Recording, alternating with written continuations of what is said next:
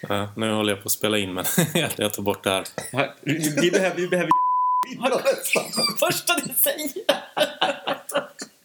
Sätt, sätt, sätt, sätt ribban. Han kommer vinna nästa val. Alexander Åkerlund. Taget ur sitt sammanhang. Ja, verkligen. Det är så vi, det är så vi jobbar. Det är bara helt ihopklippt. Massa, massa fragment.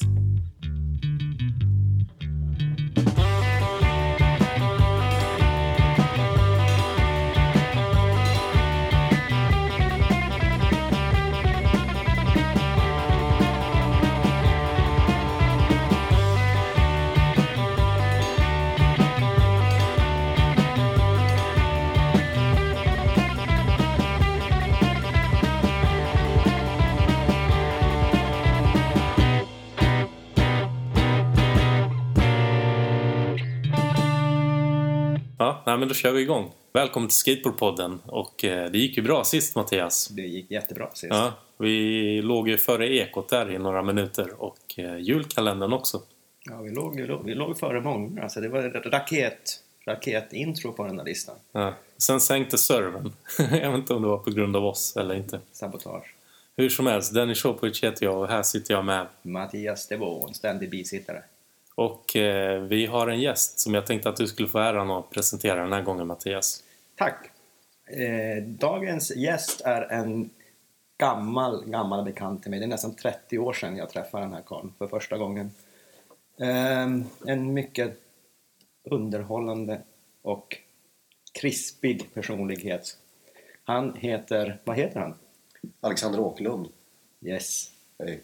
Kan du berätta lite om dig själv, varifrån du kommer och hur gammal du är och sådana där lite basic fakta? Ja, absolut. Eh, först tack för att ni bjöd in mig. Jag känner mig grymt helig över detta. Eh, jag är född 71 i eh, Bohuslän, eh, Stenungsund. Och eh, ja, precis. Jag kommer från västkusten, inte Göteborg. Utan jag kommer från Bohuslän. Så att jag är som andra ord 47 2018. Mm. Mhm. God. Ingen, ingen duvunge längre. Nej, men jag vet inte.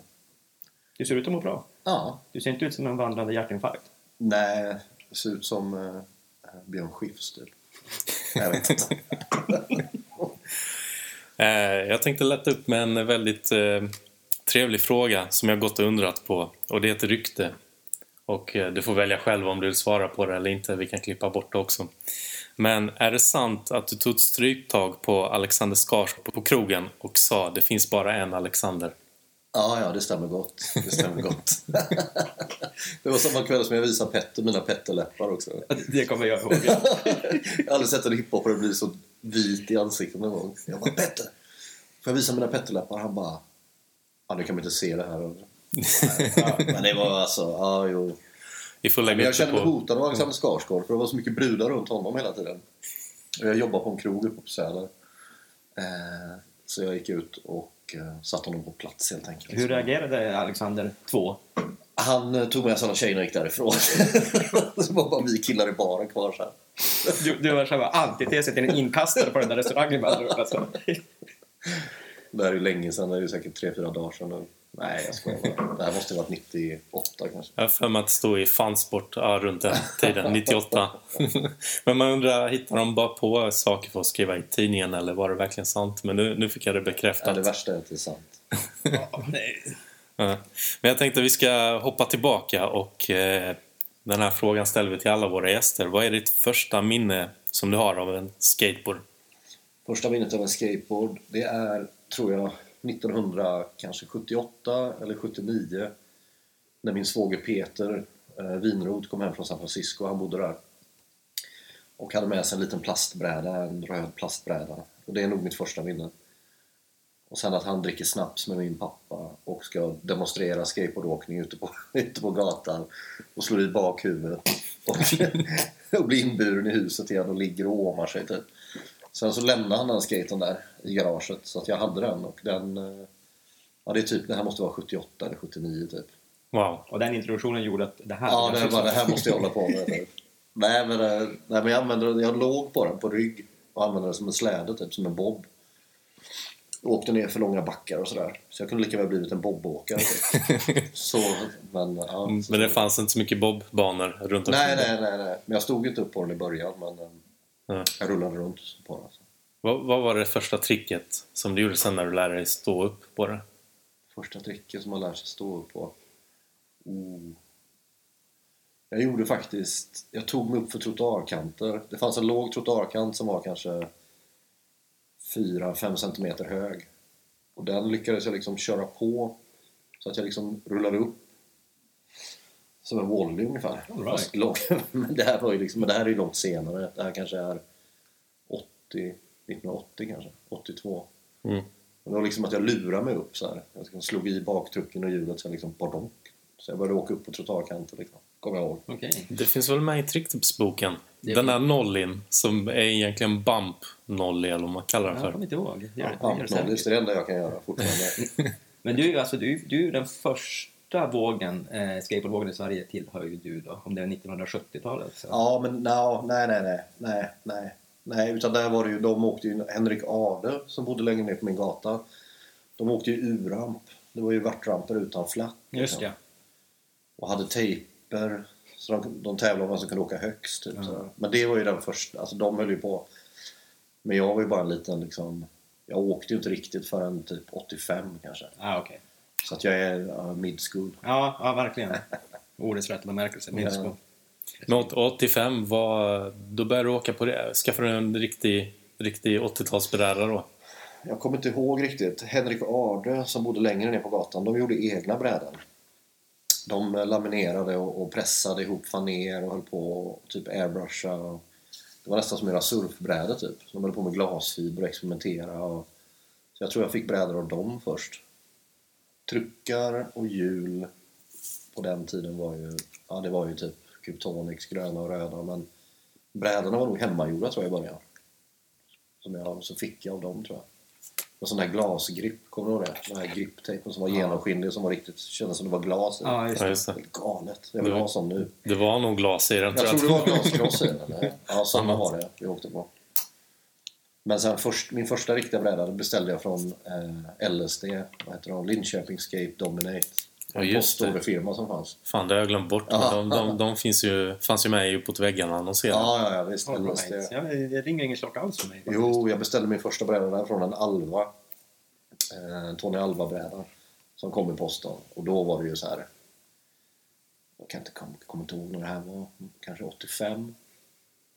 Tror jag. Ja, det var min första riktiga bräda. En Alva-bräda. Vad hade du för förebilder? Eller så här, var det några som du såg upp till när du började? Ja, det har man Robert- väl alltid liksom. Robert Olin, en kille i Stenungsund. Som eh, alltid byggde ramper och som gjorde, kunde göra frontside airs och backside airs i värt.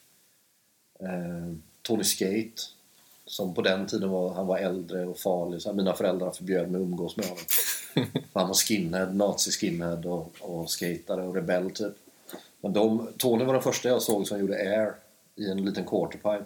Typ. Han åkte upp och tog early grab och gjorde, ryckte frontside i en liten, alltså, det kan ha varit 1,20 hög quarterpipe typ. Och det här är 80 någonting? 86 kanske. All right. 87, 80, nej 85, 86 typ. Så de såg mig upp till först och de killarna i sin tur hade ju ehm, eh, videokassetter med de första Bones-filmerna och sånt där som man började låna och började titta på skate och då var det ju bara aha. Och då var det ju liksom när man började titta på Lance Mountain, Tommy Guerrero och de här killarna, så här, värtkillarna gillar jag aldrig så mycket, Tony Hawk och de här, McGill och dem. Men däremot Tommy Guerrero framförallt Lance Mountain var ju bara när de åkte på gatorna och sådär. Det var ju, var ju det man ville göra typ.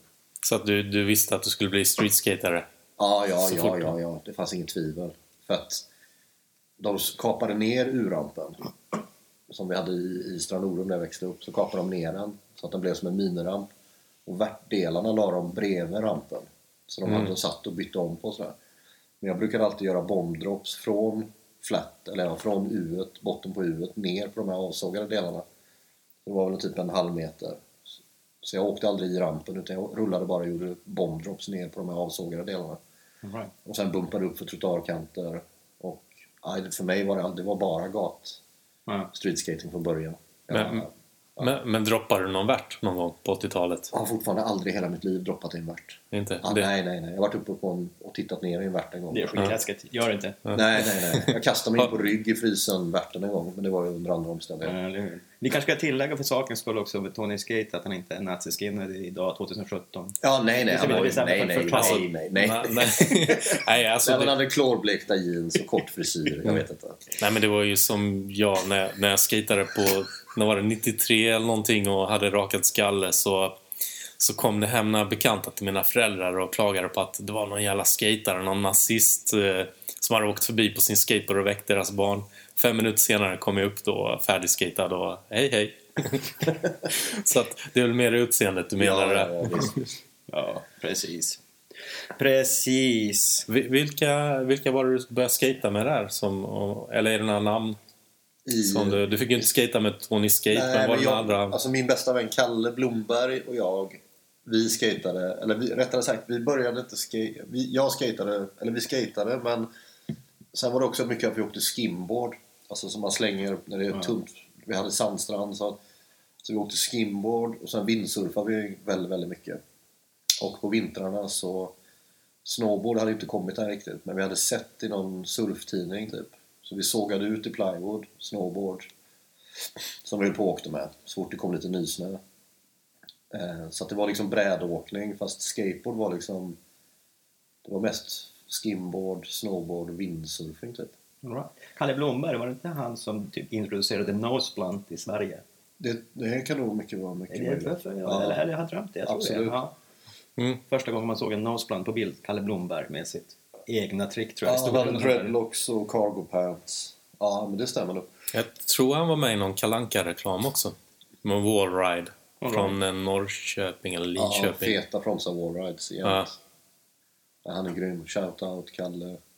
Dreadlocks och cargo pants. Ingen nazi skinhead. Han, han, han, han, vill du hänga med. Jamman. Kalle är okej, inte Tony. Nej, nej men Ja, okej. Nej, men så, så var det med det. Nej, men så vi, jag och Kalle åkte mycket. Och sen åkte vi in till Sten, när vi började bli äldre fick vi åka in till Stenungsund som var liksom... Vi bodde i Strand som var fyra kilometer ut på landet, typ vid havet.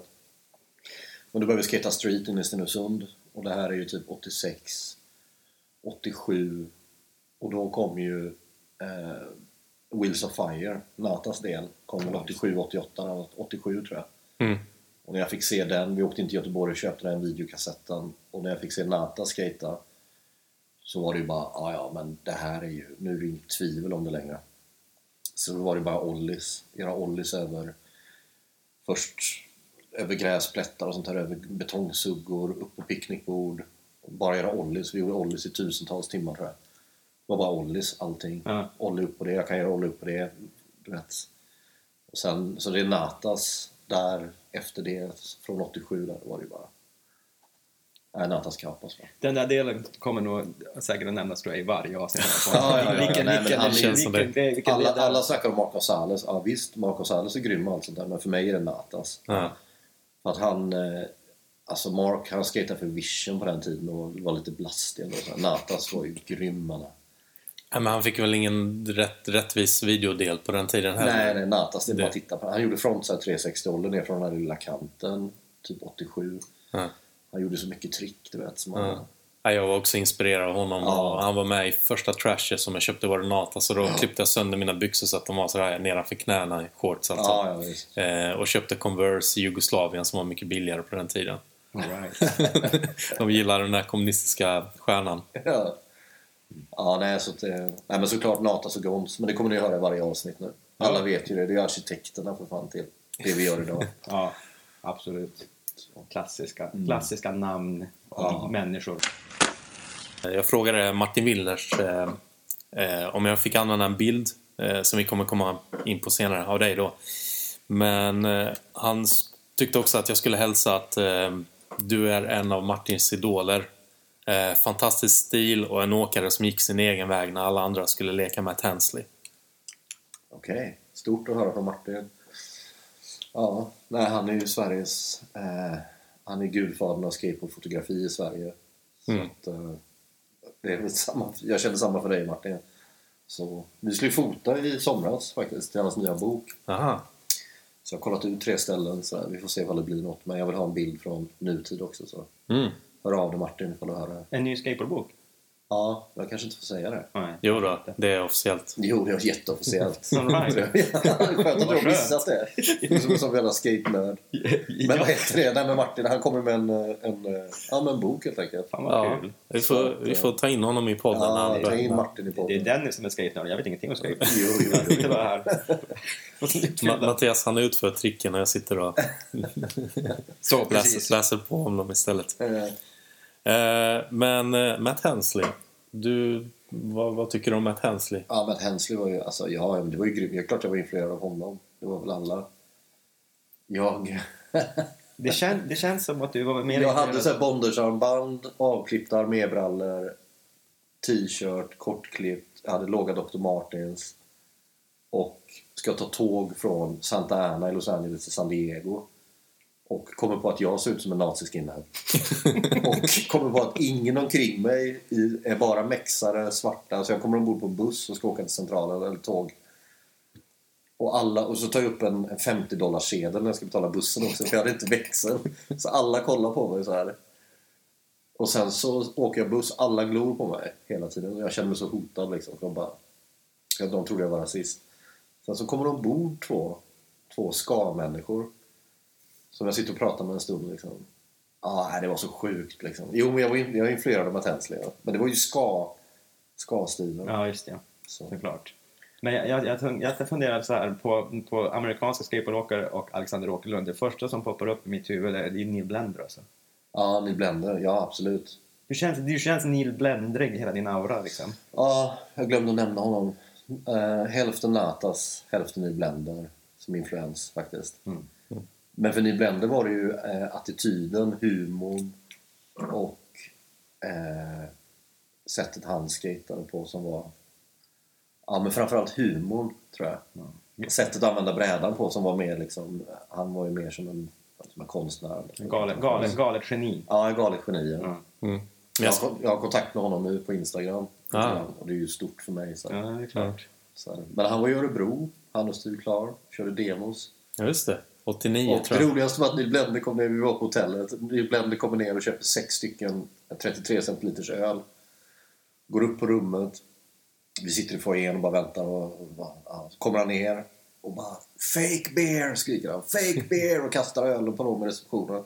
Har han köpt sex burkar lättöl. Besviken. och går upp och ska dränka. Ja, det var så kul alltså. Jag kommer aldrig glömma det. Fake beer! För det, light beer är inte samma sak som Nej, de lättöl. fake, de funkar inte liksom. Det var bara vatten. Ja. Ehm, Men ändå, det Martin säger är att eh, du var ju inte riktigt som någon annan. Du hade ju egna trick och jag tror mitt första minne av dig eh, var något, eh, någon showit grej där brädan liksom... Jag tror det här var med i Tricktips uppåt väggarna om jag minns rätt. Just det, Nå, just någon det. showit där du låter brädan liksom, du, du springer längs O- brädan. Obemannad 360. Ja, Ja, ja. just det. Men det där var ju, ja, ja visst, absolut. Men grejen är så här. Om vi ska bara hårdra alltihop så här. Jag, alltså jag hade ju min, jag glänste ju till där typ 88, 89. Men sen så tog det ju bara något år, par år, så kom det ju en helt, då kom det ju den riktiga streeten liksom. Så att egentligen så är jag ju en 80-talsskatare, streetskatare från 80-talet. Så höga ollies, footplants, shovits och, och no complies. Det är ju en 80-tals, alltså sådär. Så att sådana trick var ju liksom, det var ju bra då liksom. Det tog bara något år, sen exploderade ju street. Typ 89, 90 där, 91. Mm, ja. Och sen 90, när hjulen började bli små och allting sånt där, då gick jag ut och dansade istället. Men så skateboard blev ju, det, blev, det, blev, det, det gick så fort där. Pressure flip var inte din Ja, grej. jag är en kilometer i timmen till no-slide typ. Det var inte intressant. Jag började inte skata igen förrän eh, Eastern Exposure kom. Den Ja. New York-filmen. Ja. Det måste ju vara 95 eller någonting. Så, så Ron Nigge tilltalar inte dig Nej, mellan, mellan 91 och 95. Den, eller den eran med de här små hjulen och allting. Mm. Ja, vilken jäkla era Jag vet inte, jag, jag var med Per Ordknekt i Kalifornien och han pratade med Steve Rocco och jag vet inte om jag missuppfattade det, jag kanske var helt snurrig i huvudet men de här små hjulen Anledningen till det var att Steve Rocco hade så stort hjullager. Han hade köpt på sig så mycket skateboardhjul så att för att få sålt dem så var han hela tiden tvungen att svarva om dem och sätta nya loggor på dem. Så varje gång han gjorde det så blev hjulen mindre och mindre. Hans teamåkare fick mindre och mindre hjul. Så vad jag har förstått så trenden är det var bara på grund av att Rocco ville få stopp hjul. Men jag vet inte om det här är en skröna bara men Jag har för hört att, någonting för om... att, för att. World Industries han hade liksom ett lager med hjul som var liksom så här. Mm. Och så tryckte han upp dem, sålde dem och så hade han ändå ett stort lager kvar. Så svarvade han om dem, satte på nytt tryck, sålde lite grann till och så höll det på. Men jag vet inte om det här är... Nej, men det låter Nej, jag ju... vet inte. det, Jag, låter Steve inte Rock och helt, Per satt och snackade om det men det låter inte helt Nej, otroligt. konstigare saker har hänt tror jag. ja, det är inte större än så eller mindre än så. De där hjulen var ju så jävla okompatibla till svensk asfalt. Jag vet inte vad det var för alltså. storlek. Hur, stora Nej, var det de? ju så- 30 millimeter? 37,5 tror jag är det minsta jag sett. Hasse Lindgren höll på att trolla med något hjul så här och gömma det i handen och Hasse har ju inga dasslock till händer liksom. Nej, så det nej, var, nej, de där hjulen kan inte ha varit stora Det hände alls. som i Lindfors typ. Ja. Det, jag har sett folk som töjer ut öronen med dem nu. Alltså sådana här där, ja. piercing. Ja, Är det, är det sant? Ah, shit. Det är ingenting som lockar dig. Nej, nej, nej, nej. Ingen kroppsmodifiering. Jag har inte en enda tatuering. Jag är så jävla stolt. Ja. Så jäkla skönt. Men- jag duschar varje gång. Kolla, så fin, ren som en delfin. Som vi alla tänker varje gång vi duschar. Fin och är som en delfin. Blåshål. Ja. Jag tänkte om vi skulle gå tillbaka lite till 80-talet när du hade din storhetstid där. Eh, du nämnde USA. Var du över någonting? Ja, grejen var att jag, jag var på Sverigecuptävlingar. Eller, eller först var jag på en oljetävling på Hisingen och vann såklart. Men sen så eh, träffade jag började åka ner till Göteborg och träffade de här riktigt stora skaterna som Gorm, Mats Angebratt, som har Disagree nu, Charlie Huchta. Ja, det var väl typ dem som skater street liksom. Och de såg man ju upp till. Det gör jag än idag. Gorm är ju fan, han är ju grym som helst. Mackan, Tjongan. och- Hur blev ni... Var du en del av Team Street Style? Eller? Ja, precis. Men vi började åka på tävlingar och jag kom ganska, det gick rätt bra för mig i tävlingarna för att jag hade inga tävlingsnerver och jag skatade annorlunda och allt sånt där. Så att jag, det gick bra för mig i tävlingarna. Så Per Holknekt kom fram till mig efter någon tävling och bara ja, vill du ha brädor av oss? Vill du ha lite kläder och skor och sånt där? Och jag bara herregud. Det är klart. Det var ju som en dröm gick i uppfyllelse liksom. Ja. Man bara ska bli sponsrad nu liksom. Det var så här, jag hade inte ens tänkt på det. Så eh, han, han slog Ja. klorna i mig Per. Direkt. han, han var din första sponsor. Ja, precis. Och, eh, och det här är väl typ 88, 87 eller 88 tror jag. Mm.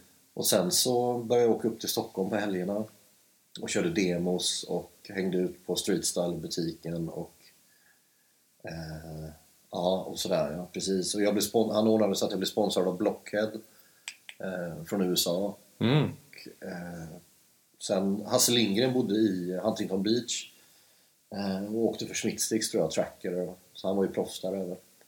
Så jag, Kalle och Stefan Karlsson som har Munchies i Chamonix nu för tiden. Eh, vi tre åkte över. Punke också, Christian Östlund. vi bodde hos Hasse och ehm, det var 89. Var inte Micke, Micke Larsson med också? Micke Larsson kom Ja. hit också. Ja. Han var förkyld. Han låg hemma hela tiden. Hade han ebola, Micke? Ja. No. Nej men så att vi, ja, så vi åkte för Blockhead. Kalle åkte för Alva och eh, ja det var 89. Så vi var där på vintrarna. Jag var där första gången var nog där två månader tror jag. 89 till 90.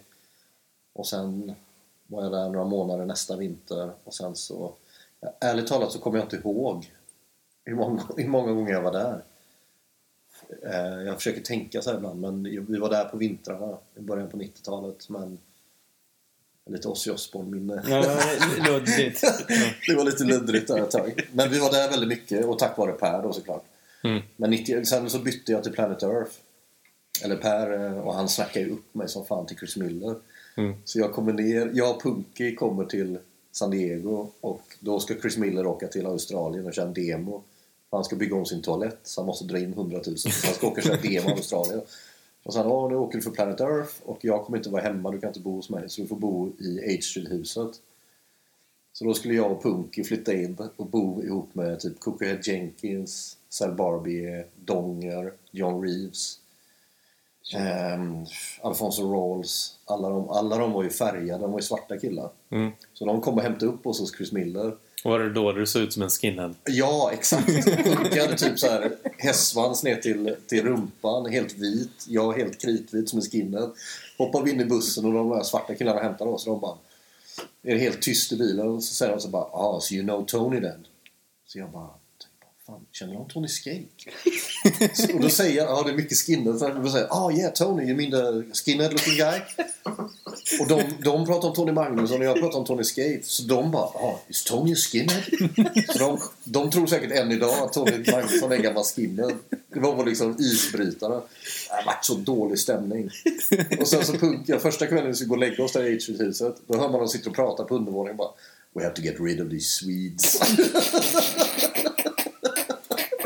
Nej, det var så dåligt. Och Chris Miller har sagt till mig så här, bara, jag är borta i två veckor i Australien nu. När jag kommer hem så ska vi filma ett handrail. Här, så här, 12-stegs handrail med en kink på slutet. Så jag gick dit varje dag och stod och hade ont i magen här, och räknade ner dagarna. Så här, jag bara, Uff. Så här, och sen, så drog jag dagen innan han kom hem. Då hoppade jag av Planet Earth. Jag bara, det här kommer aldrig att gå. Allt för att slippa handrailen. Ja, men då var det så här bara, men vem vill kasta sig ut för ledstänger för att... Sådär. Så där missade jag nog min... Hade jag varit lite mer hungrig där hade jag nog kunnat bli proffs sådär, men...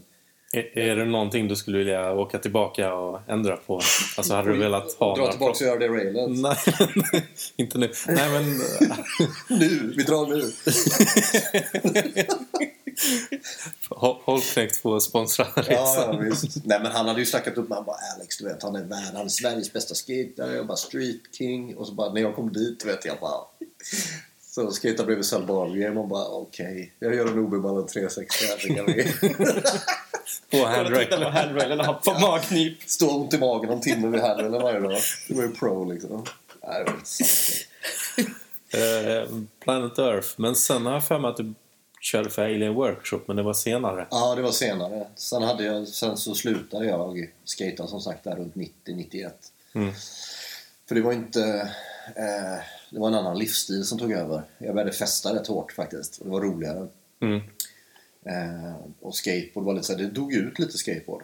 I vart fall. eh, Eller jag upplevde det så lite grann. Jo, men ganska mycket. 93 Ja, var ju ja, en sen, så fick jag, sen fick jag ett brev från uh, Street Style från, från Per Holknekt som var väldigt seriöst och det stod att nu har våra revi- revisorer slått i backen här och de säger att vi kan inte hålla på och ge bort grejer och bla bla bla.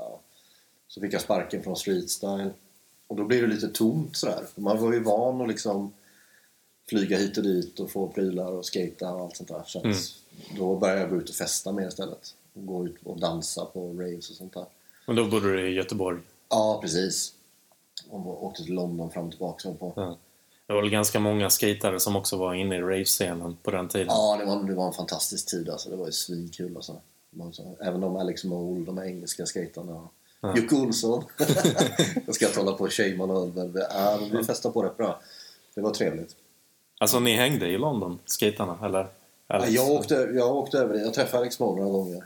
Och eh, framförallt Jocke Olsson. Han bodde i Manchester då. Fripp hette ju Defbox fortfarande. Eh, så han bodde i Manchester. Så att, eh, men det var, en, det var en annan scen. Men jag tror det var många som blev ganska raved out Mm. ett tag där. Det var ju fantastiskt. Men du kom tillbaka sen och fick Alien Workshop. eller? Ja, alltså den här filmen Eastern Exposure som kom. Jag vet inte om ni känner igen den? Jo, Eastern jo då. Jo då. Stö större hjul helt plötsligt. Ja, helt plötsligt hade folk normala hjul igen och folk gjorde normala trick och hade lite speed och gjorde wallrides och höga ollies och sånt. Och då såg jag bara, ah shit. Ricky Oyola och alla de här Ja, skaterna. Och då blev jag såhär bara, men ah vad grymt. Så då började jag skata igen, men jag vet inte. Om ni vet när den filmen kom så vet ni när jag började skata street. Ni- 95 tror jag. Ja, något sånt. All right. Så då var det liksom, ja precis. Så började jag skata igen. Men då var det väl också, jag vet inte hur jag kom i kontakt med Alien Workshop. Jag tror jag tjatade mig till det. För jag gillar deras grafik, allting det här med du vet, alla aliens och, och brainwash och Ja, du är ju verkligen du är den perfekta pyramid, ögat med pyramiden och du vet allt sånt där. Redan då liksom. Ja, precis. För där har vi en fråga. Men jag fick inte ställa den för Mattias, för eh, jag är inte riktigt UFO-experten här. Men Mattias, du är ju det. Ja, precis. Alltså, när vi snackar om Alien, ja, Alien Workshop.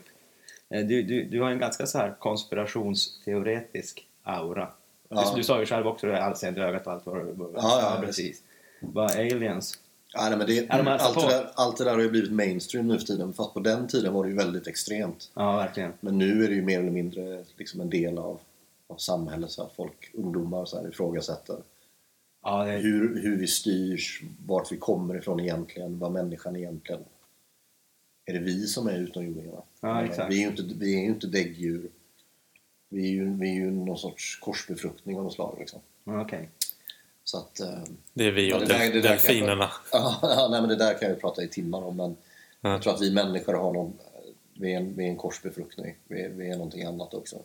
All right. Så jag tror att vi är inte... Ja, ja jag stannar här tack. Vi, vi, får- vi, får ta det i en annan podd. Ja, precis. UFO-podden. Ko- Korsbefruktningspodden. Korsbefruktningspodden. Eh, men, men ändå, jag har för mig att eh, Alien Workshop fick namnet just för att var det grundaren som hade, eller var det... Nej, jag pratade med Chris Carter, han som startade Alien Workshop. Och de, det fanns en hangar i Ohio. För de flyttade från västkusten till Ohio, in, mitt inne i landet. Ja, och startade Alien Workshop. Men det fanns, en, det fanns en hangar där som var militär och som låg ungefär som Area 51 fast det var liksom en mindre eh, militär anläggning. Och den hette i folkmun Alien Workshop. Right. Det hände saker där och det var, de testflög olika farkoster och flygplan och sånt där. där Det var väldigt hysch-hysch runt det. mm, Så, som han förklarade så var det att, att det var en hangar som hette Alien Workshop. Eller de kallade den för The Alien Workshop då. För att den var så högteknologisk. Mm. Eller vad det nu var där liksom. Men eh, jag vet inte, det kanske är osanning. Det var. Coolt namn. Ja. Ja absolut. Jag snöade in på att när jag kollade Arkiv X, apropå ufon och sånt, att producenten heter Chris Carter. Ja, just det. För, Ja. jag, för jag tror det var samma alltså i Ja, början. jag trodde det var samma person. Jag bara, gud, han har Alien Workshop och så har han den här TV-serien också. Det var när jag var ute och ravade mycket. Jag var lite förvirrad. Ja. Frågade du honom det? Nej, nej, nej. nej, nej.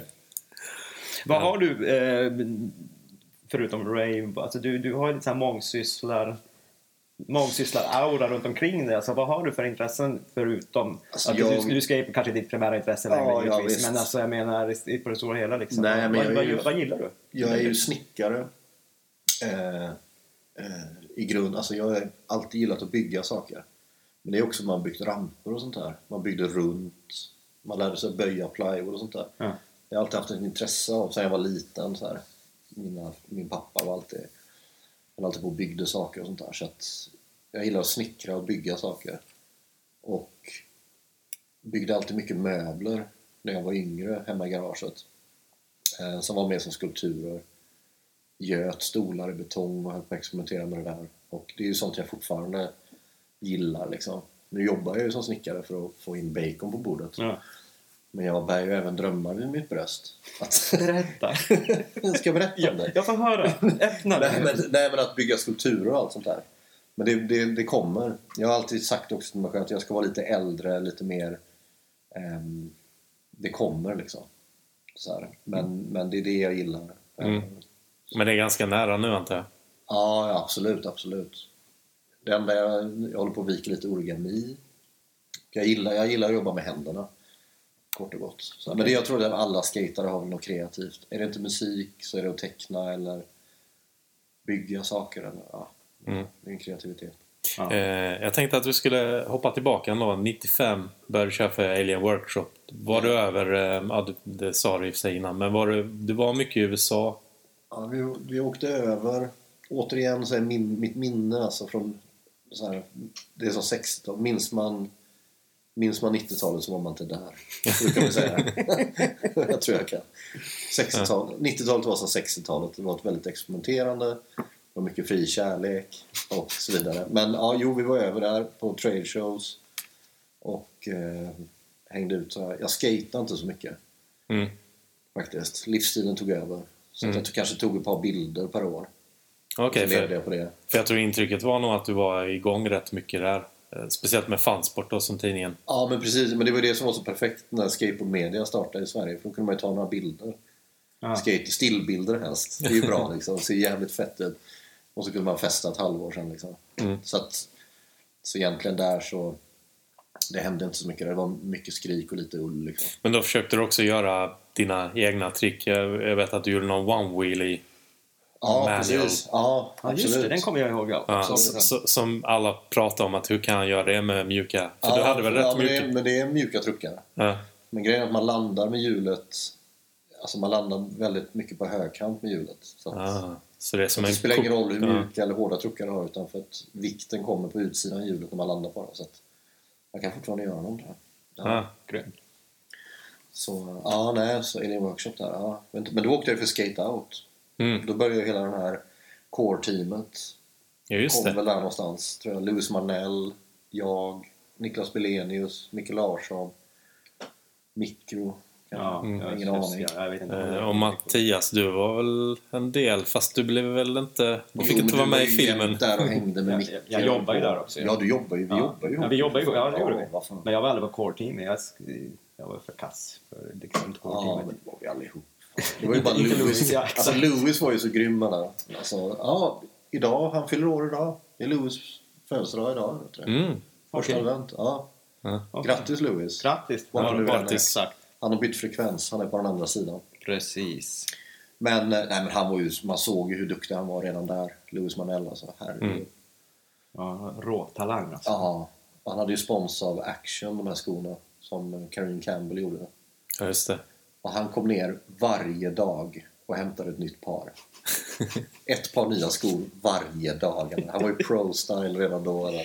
Vi bagga, Micke baggade. Ja, men vi- Han bara- bara, det är klart du ska ha skor. Han, han fick ju då kängor så här, av Micke, om det var action eller vad som han stod och heelflippade med. Jag bara Louis, håll inte på nu med de där nya kängorna som du har fått. Spara dem där nu så de blir fina. Det var 900 spänn om dagen i skor och bara. Så fort han fick en fläck på dem så bytte han dojor. Ja, shit. Ja. Ja, det var helt andra tider då alltså. Men jag menar den tiden i Stockholm då fanns det One-Off, Core, We, eller J-spot hette det väl då. Ja. Och sen de här stora butikerna som Per och Thomas hade, Street Style eller 08 eller vad System 1 eller vad de hette.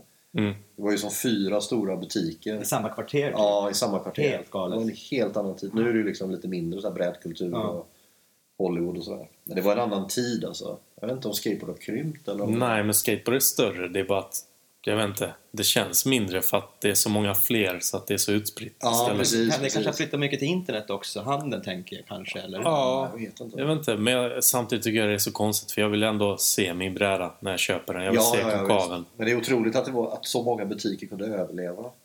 Ändå. Så. Men det kanske är näthandel och grejer. Mm. Hur, hur är du själv med brädor? Är du, ska det vara en viss konkav och vad har du för preferens? Alltså nu får jag mina brädor av eh, Kaleidoscope. Shoutout PJ Gustafsson som ger mig brädor. Än idag sponsrad. Eh, men nej, 8 8,2 tum bred. 8,25. Eller? Är det det? 7,25? Nej, 8,25 Nej, är åtta, det. det, det är brett. Ja, du har Ja. haft breda brädor tror jag? Eller? Ja, det är inte så jävla... Är det det? 8,2? Ja, 7 725 är freestyle size. Ja, okej. Jag var helt insnöad på att jag hade 7,5 tills någon sa till mig bara nej, du åker på 8,2. Ja, jag åker på 7,5 när jag har streetbrädor. Ja, ja, jag vill, vill ju det också. Men då var det någon som sa nej, det är 8,2 du har. Jag bara nej, det här är en 7,5. Det kanske är jag som blir större. Säger snickaren. Ja, nej men platt, platt konkav och eh, ganska låg nose och tail. Och, eh, ja. Jag åker du mycket nu? ja, jag åker, eller ja, jo det gör jag. Nu har jag fått barn i, eh, i eh, nyligen, som är nio månader. Grattis. I år har jag tagit lite lugnare med skating och sådär. Jag har, jag har så många ställen, det är helt maniskt. Alltså jag, har, jag går runt på stan ibland och bara så här. Alltså, åh. Jag funderar på ibland bara att jag ska säga upp mig och filma skate typ ett år. Right. Innan jag blir för gammal. För Ja. det är också så jävla frustrerande att man känner så här benen. Alltså man tappar pop och du vet sånt här liksom. Ja. Man bara shit, om jag inte filmar det där nu så kommer jag inte kunna göra det du vet. Och så kommer jag gå och ångra mig ett helt liv. Varför filmar jag inte det där? Varför gjorde jag inte det där? Så. Mm. Men det är också med den nya tekniken med Instagram och eh, med mobilkameror och GoPros och allting. Förr i tiden fick man ju vänta på att Pascal skulle vakna eller att Magnus Gyllenberg skulle vet, hitta någon gammal kamera. Ja. Och så var det alltid mycket fetare skatare som stod före i kön så här. Men nu kan man ju fixa det själv. Liksom. Ja. Du, du kommer ut då, då på Instagram? Ja, ja, det visst. Ja. Och det ironiska är att jag tror sedan 2014 så har jag fått ihop mer filmmaterial de senaste tre åren än jag har fått under hela mitt liv tror jag. Mm. Men det är ju tack vare den nya tekniken liksom. Alltså sen, sen telefonkamerorna kom så läste jag någonstans att det har tagits mer bilder på typ fem år än vad det gjorde på hela 1900-talet. eller någonting. Ja, ja, Det är absolut, något absolut. där. Helt galet. Och sen ins- alltså Instagram och de här för skatare så är det ju, det är ju perfekt alltså. Alldeles nu de, när de gick upp till en minut på Instagram. Ja. Det är ju perfekt det där. All, det är bara, alltså man sitter och kollar, det är ju sånt flöde av grejer liksom. Ja. Vissa retar sig på det. De bara ah, det var bättre när det kom en film i halvår. Sånt där. Nej. Mm. Ifall eh, David Stenström gör ett trick nu så fem minuter senare kan man titta på det. Ja. Om man inte är i Malmö så får man ändå se det. Liksom. Och sen- jag, jag gillar det. Sen får man ju se allas reaktioner också. Ja, ja, ja visst. Ja, absolut. Men en, Man en, knyter ihop hela världen liksom. ja, en, en VHS-kassett har ju inte riktigt ett kommentarsfält med sig. Nej, nej, jag menar det. Nej. det. Det är liksom... Jag ser ingen... Många snackar skit om det där. Bara, men jag tycker det är grymt. Eller? Dagens skatescen överlag, eh, vad, vad, vad, har du för kommentarer? Ja, nej, men det är ju så mycket kärlek till, vad heter det, de i Barcelona, Sauer, Nisse Ingmarsson och de här och, och Polar. Alltså Sverige är ju liksom, det är så mycket bra. Det har blivit så mycket mer internationellt, då, som man säger. Ja. De är så duktiga liksom. Jag såg någon, eh, vad heter de, skoföretaget, New Balance va?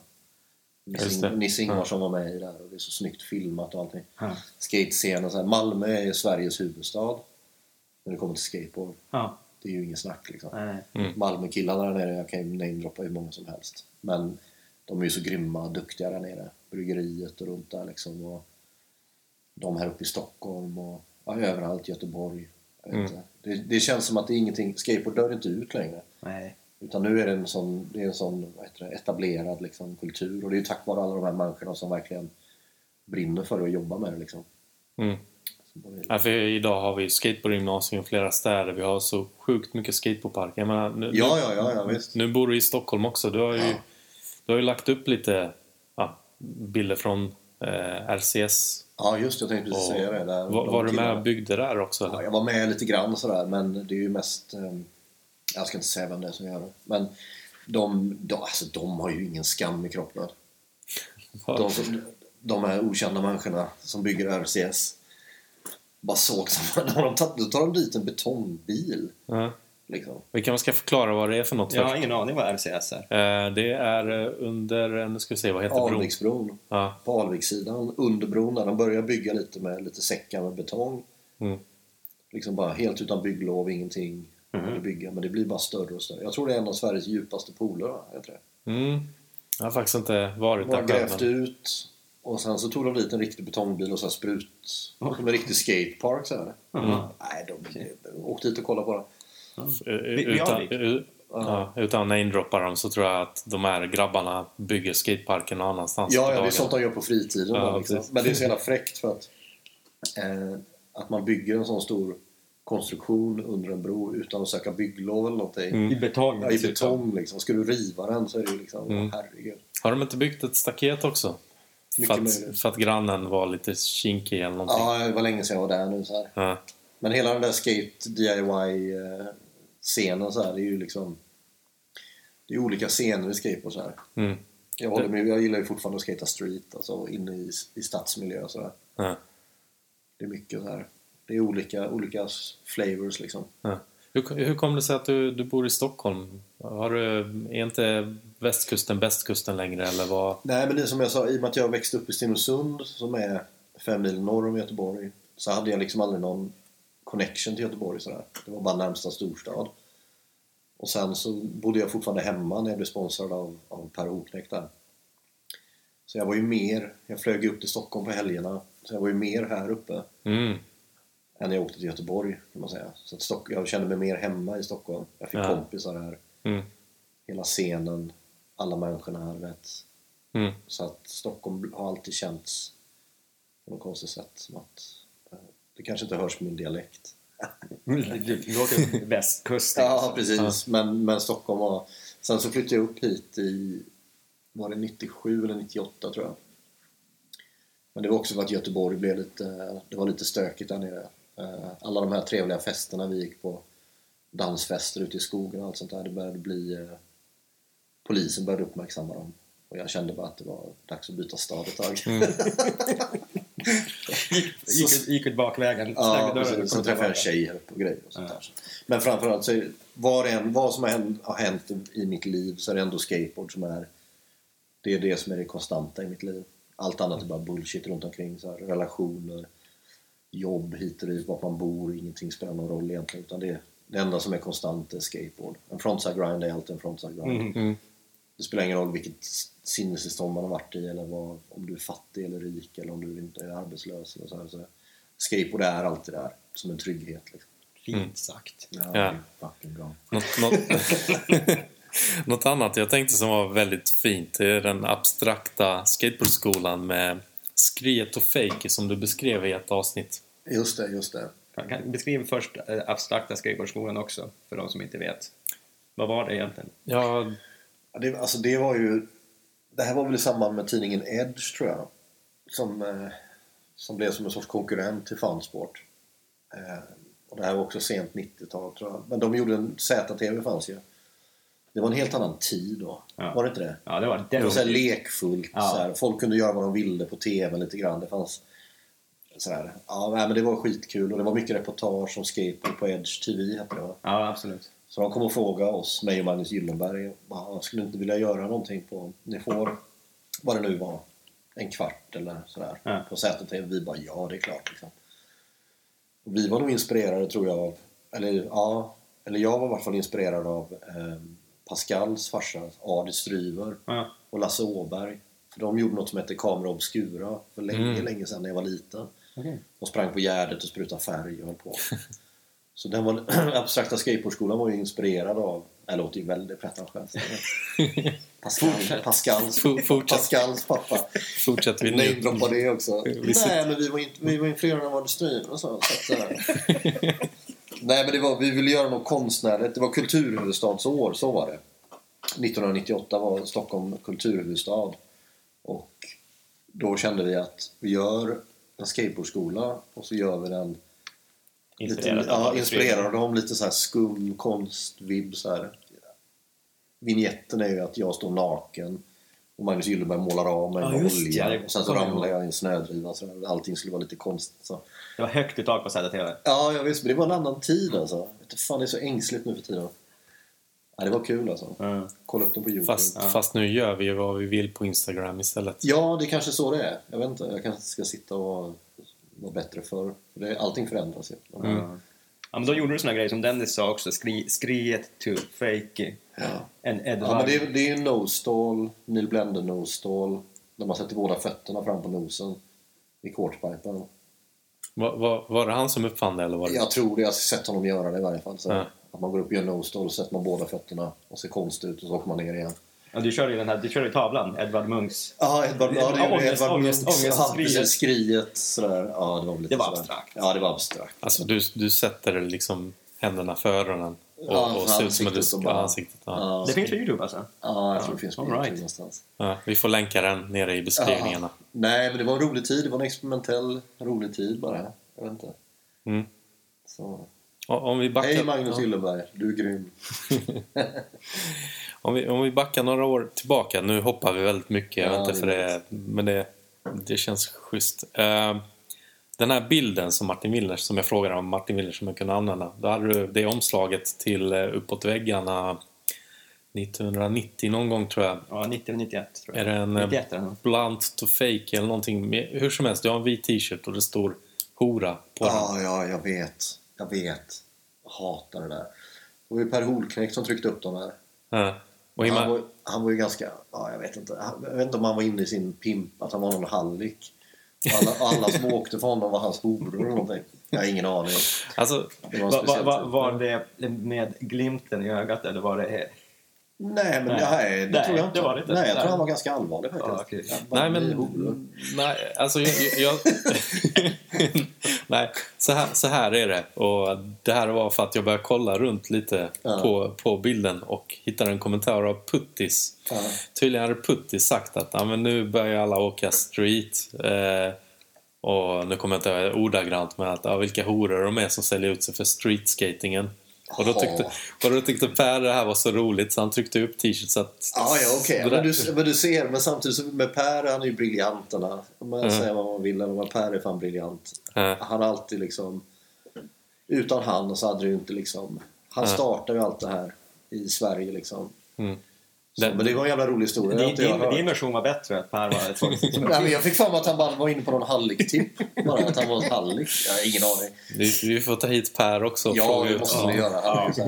Men grejen med per, både Per och Greger Hagelin som startade J-spot och ISI och Per.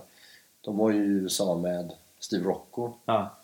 Och jag tror att när de såg Steve Rocco starta World Industries och allt det här så åkte de hem till Sverige och gjorde ju i princip samma sak Ja. Så att eh, det måste ju varit som en godisaffär för dem. Ja, eller hur? Sverige i början på 90-talet, du vet, så Mm. det fanns inte. Det fanns ett behov, alla ville köpa skates. Ja. De bara kom hit och öppnade butiker och allting. Ja, det måste ju varit som Klondike för dem. Definitivt. Som att plocka godis från Ja, jag menar det. Och så med Steve Roccos affärsmodeller i bakhuvudet liksom. Det var ju bara så här. Det gick bra för Steve Rocco. Ja. Ja. Dollartecken till Bepiller. Ja, ja, ja visst. Han är Men- väl någon ö nu tror jag. Men du träffade Steve Rocco? Nå, någon, ja, kanske någon gång ihop med Per. Ja. När vi var i Kalifornien där. ja. Vi- vi- Vilka USA-proffs var du stokad på att träffa där, när det var där? Eh, Alfonso Rawls. ja, hela H Street-huset. Där vill man ju bara åka därifrån så fort som möjligt för fan. Ja, jag tror de skulle spöa oss. Riktigt. Nej men Tony Hawk såklart. Träffa honom. Chris Miller och jag var uppe. Jag, Punky och Chris Miller åkte upp. Han bara, vi ska upp till en polare idag och skata. Och vi bara, ja vad kul. Ja, Tony en kompis. Då åkte vi upp till Tony Hawk. och då sa Tony Hawk till mig, let's see what you got. Så, All så jag, right. dropp, jag droppade in i hans miniramp som var typ som frysen i, i, värt, i fry, eller värten i frysen typ. Det var hans miniramp typ. Den var så jävla stor. Jag droppade inte in utan jag sprang upp och kastade mig på den och åkte in. Och så hade jag såna flat spots. Jag gjort så mycket blandslides. Bara rrr, rrr, rrr. Kom aldrig upp till kanten. Tony gick och kokade kaffe. Ja, visst. Han bara, de bara garvade. Och sen Tony Hawk skejtade den där minirampen. Och så kommer jag ihåg att jag tänkte så här, gud vad han är stel. Alltså stjärten stack ut när han skejtade. Han såg, helt, såg inte klok ut. Nej. Gjorde backside lip slides, frontside ollies, ja, alla här. Och så kollade jag och så bara, och så efter typ en timme så kom jag på bara, aha, han skejtar switch. All right. Då, och det här är ju alltså 90, det kan vara 91 typ. Så Okej. då skejtade han, han gjorde typ alla tricks som han normalt sett gör fast han gjorde dem switch. Och jag tyckte han hade dålig stil. och jag hade flat, jag kunde inte ens, ah, det var helt galet. Nej men olika proffs, jag vet inte, ah, nej jag vet inte. Inte direkt sådär. Chris Markovic. Mm. När jag bodde i San Diego så skejtade jag en kväll eh, själv nere vid stranden i Mission Beach. Och då dök det upp en snubbe som gjorde ollies över en handrail som var typ så här 10-11 trappsteg. Bara smack varje gång. Gjorde ollie one-foots över handrailen. 10-11 trappsteg. Och jag bara herregud, aldrig sett något liknande liksom. Så jag hookade upp med honom så vi drog runt och skejtade lite grann. Han gjorde nose blunt slides på ganska höga kanter och sånt där. Han bara, ah, jag heter Chris, här. jag bara bla bla bla. Och sen så var det typ ett halvår senare så var ah, Chris Mar var det Chris Markovic? Då var jag nog starstruck tror jag, i efterhand. Mm. Men han var ju, Chris Markovic var ju, ah, Mm. han skejtade alltså. En riktig powerhouse. Träffade du Rodney Mullen någonting? Ja, ihop med Per Holknekt också. Vid något Mm. tillfälle. Men du kör ingen demo med honom? Nej, Nej, det var- aldrig. Kanske Anders Rimp? jag Ja, det var. Anders Rimpe de killarna gjorde det. Anders Rimpe gjorde ju... Ja, jag vet inte. Robin Mullen. Alltså hans, när han gör den här Caballerial Impossible Gate Twist. Impossible Gate Ja. Twist. Jag har sett den live. Det Det är ju fan det sjukaste man. Det är ju... Den borde ni länka upp också. Mm. Robin Mullens Impossible, vad heter den? Impossible Gate Twist kallar han den alltså. Det, det, det ser trickfilmat ut alltså. Ja, när man ser den i verkligheten man bara herregud. Har du någon grej som du har gjort? Har, har du gjort ett trick? vad, vad, vad, Jag har nästan aldrig gjort det trick mycket. Var mest bara glida omkring. Nej, men har du någonting så här som du verkligen som det, Ja, det, var det, det- det, är du mest nöjd med på en bräda någon gång? Ja, och som är på film också. Det är nog när jag gör frontside nose grind revert på en kant i New York, i Midtown. När jag och Pagge, Orre, Björn Winberg, Oj, oj, oj, vilken. James Holm. Vi åkte till New York och skulle hänga ut i två veckor. Var det New York-tiden eller? Ja, det var någon... Ja, precis. Det var, men det var ju grymt. Jag tror vi var de första som åkte till New York och skejtade. Okej. Men då gör, då gör jag en grind revert på en, en ledge som går ut. Där Josh Cayley som de brukar skejta. Okej. Så jag kommer inte ihåg vad den heter, eller vad stället heter. Men den, när jag satte nose grind revert där, jag bara... Damn, han Ja, var fresh. fan vad fint. Ja. Ja, det finns ute, ute på, Ja, på den ligger, Youtube eller? den ligger på... Ja, den ligger nog i tidens minne tror jag. Okej. Pascal gjorde en film. Ja, just det. Men den, det är ju inget speciellt trick sådär, men just att det kändes så bra. Och när jag landar så rör jag armarna på rätt sätt och jag bara, den, bara, den, den satt så bra liksom. Så det är nog det. Ja. Ja. Grymt. Kon konkret svar. Det där är bara Ja, faktiskt. frågan. Ja, men för jag tänkte på det här om dagen. Fan vad fet han var. Ja. det, det, det får man tänka. Ja. Eh, jag tänker på en annan grej. Din onkel. Vad, vad, vad, vad är det och var kommer namnet ifrån? Alltså din onkel är...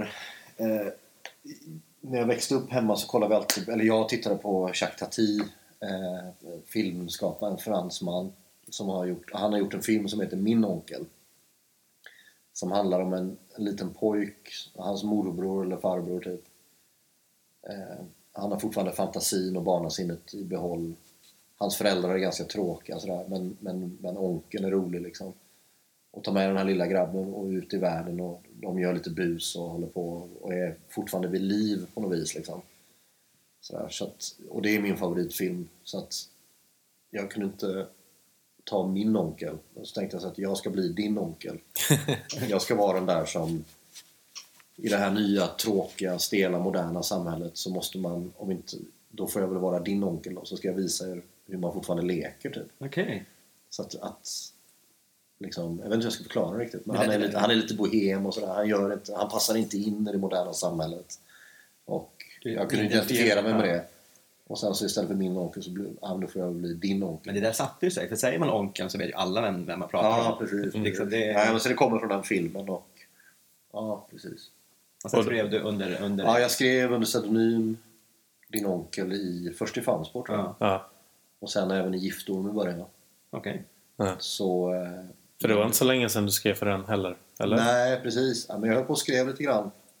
Så det var kul att skriva någon bok någon gång kanske. Sådär. Men det var ju också bara massa blaj liksom. Det var ju bara så här. Men eh, ja, nej, din onkel. Det var inte, det var inte så här pretentiöst inspirerat av Driven. nej, nej, nej, nej. Herregud. Tror man att man är Mm. liksom.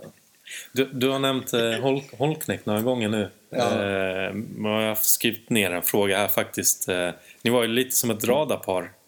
Eh, berätta lite mer om er bromance. Ja, nej alltså jag vet inte. Han, jag blir ju naturligtvis väldigt... Han, han och jag var ju, vi hade väldigt mycket kul ihop. Liksom, det var ju många som åkte på Stridsland-teamet. Men jag och Per, jag vet inte, vi, vi började väl festa ihop väldigt mycket också. Mm. Så vi hade väldigt kul liksom. Nej, jag vet inte, vi, vi var liksom... Vi umgicks väldigt mycket ett tag där. Och så här, vi var mycket i Warszawa och åkte till öst. Det här är en tid också innan muren föll. Ja, När för, öst det, verkligen var öst. liksom. för det var en skate... Eh, De öppnade en butik, där. Ja, de öppnade en butik i Warszawa där de sålde alla gamla skeva brädor som de inte fick sålt. sålde de till öst. Och vi var där och skulle göra demos, eller jag skulle göra demos där och Per skulle skriva kontrakt för olika böcker och grejer. Det var ju... Vi missade flyget och tog bis... jag kommer ihåg vi tog business class till Polen i t-shirt och shorts typ. Utan packning. Per hade bara ett kreditkort med sig och så hade vi varsitt pass typ. Jag hade inte ens skate tror jag. Okej. Så vi åkte liksom, och på den tiden och var ju liksom, vad var det, 18-19 år. Mm. Åka business class och sitta och garva åt folk i kostym bredvid. Ja. Och vi satt där, vi var värsta kungarna. Och så. här. Nej, vi har haft så jävla mycket kul jag och Per alltså. Ja, precis. Det låter onekligen. Ja, jag skulle Kul. kunna berätta såna jävla stories men de är ju inte liksom... Har du ingen, jag menar, du har ju varit med. Har du någon så här Sverigecupen någon story utan att hänga ut folk så här? Du, du, du är ju en man som är proppfull av anekdoter. Ja, precis, precis. Nej, men jag vill inte, jag vill inte säga för mycket så här. Alltså det är ju det är massa grejer som har hänt liksom men... Jag vet inte. Nej, Nej. Inte, inte så här på raka. Jo, Nej. det finns ju tusen Ja. stories men, men liksom... Jag vet inte hur Jag har ju fått bekräftat stryptaget på Alexander Skarsgård. jag har fått bekräftat att, att du har visat dina Petterläppar. och- Ja, det kunde vara lite rowdy där. Petter och, fem, fem, Petter och hela hans posse. Jag kommer ihåg när du kom och sa det till mig. Så jag, gick och, jag gick och visade mina Petterläppar. Jag bara, "Fan, snackar han här?" Nej, men jag kommer, jag kommer ihåg när det var tävling i typ, kan ha varit uppe i Falun tror jag. Kan ha varit Falun, Mm. ingen aning. 1990 Ja, var det i. Falun. Ja. Och vi, kommer upp, vi går av tåget med skatesen och bara ska gå till eh, streetytan där tävlingen är. Då går vi förbi McDonalds och då håller de på och spolar hela uteserveringen med vatten. Och det är, ja just det, det är jag, Greger Hagelin och några andra som kommer gående. Och då håller de på och spolar och gör rent hela McDonalds och så bara frågar vi vad är det som har hänt här? De bara, "Har de här jävla skaterna har kommit nu, de pissar på utserveringen. Då blir Greger arg bara, det där är mina grabbar. Snacka inte skit om mina grabbar. Har pissat på utserveringen. Greger börja försvara dem. Nej, jag vet inte.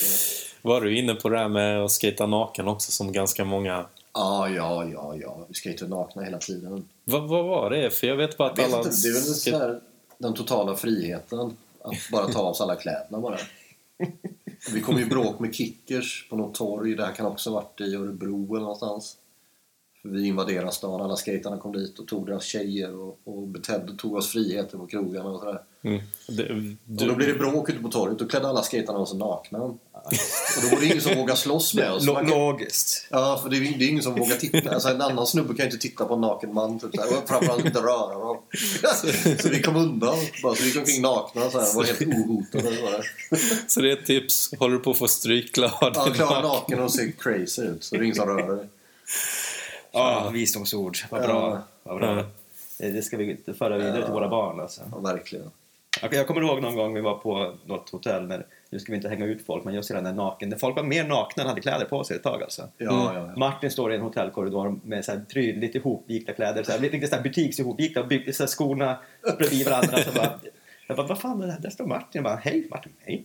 Na, naken, bara står i Ja, ja, ja, ja. Martin var ju mästare på att vara naken alltså. Ja, han, han gjorde det så jävla bra. han var, han var naken riktigt alltså. bra. Ja, bara klä sig naken ibland bara. Mm. Ja, Nej, det var roligt. Rolig tid. Ja, det var det sannerligen. Ja, men för grejen är så att ofta, nu i efterhand så bara, åh gud, alla har festat så mycket, det har gått dåligt för vissa och bla bla bla så här. Och, men hur som helst, men på det stora hela så var det ju så jävla kul. Ja. Alltså, det, är- alltså, det går ju inte att förklara. Liksom. Om man inte var där så kan man aldrig förstå liksom.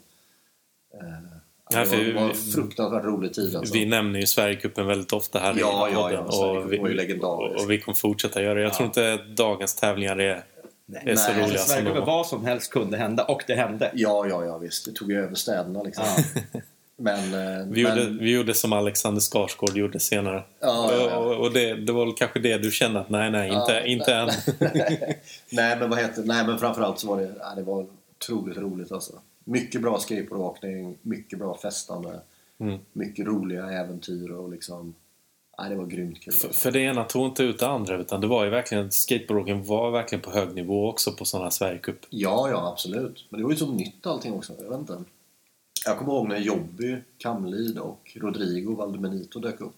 Ja. De var ju Olli Blunt och typ så här Det var höjden till ribban. Olli alltså. Stefaki och du vet så här. Jag kommer ihåg när de kom liksom. Ja. De var ju grymma. Ja. Ja, shit alltså. Mm.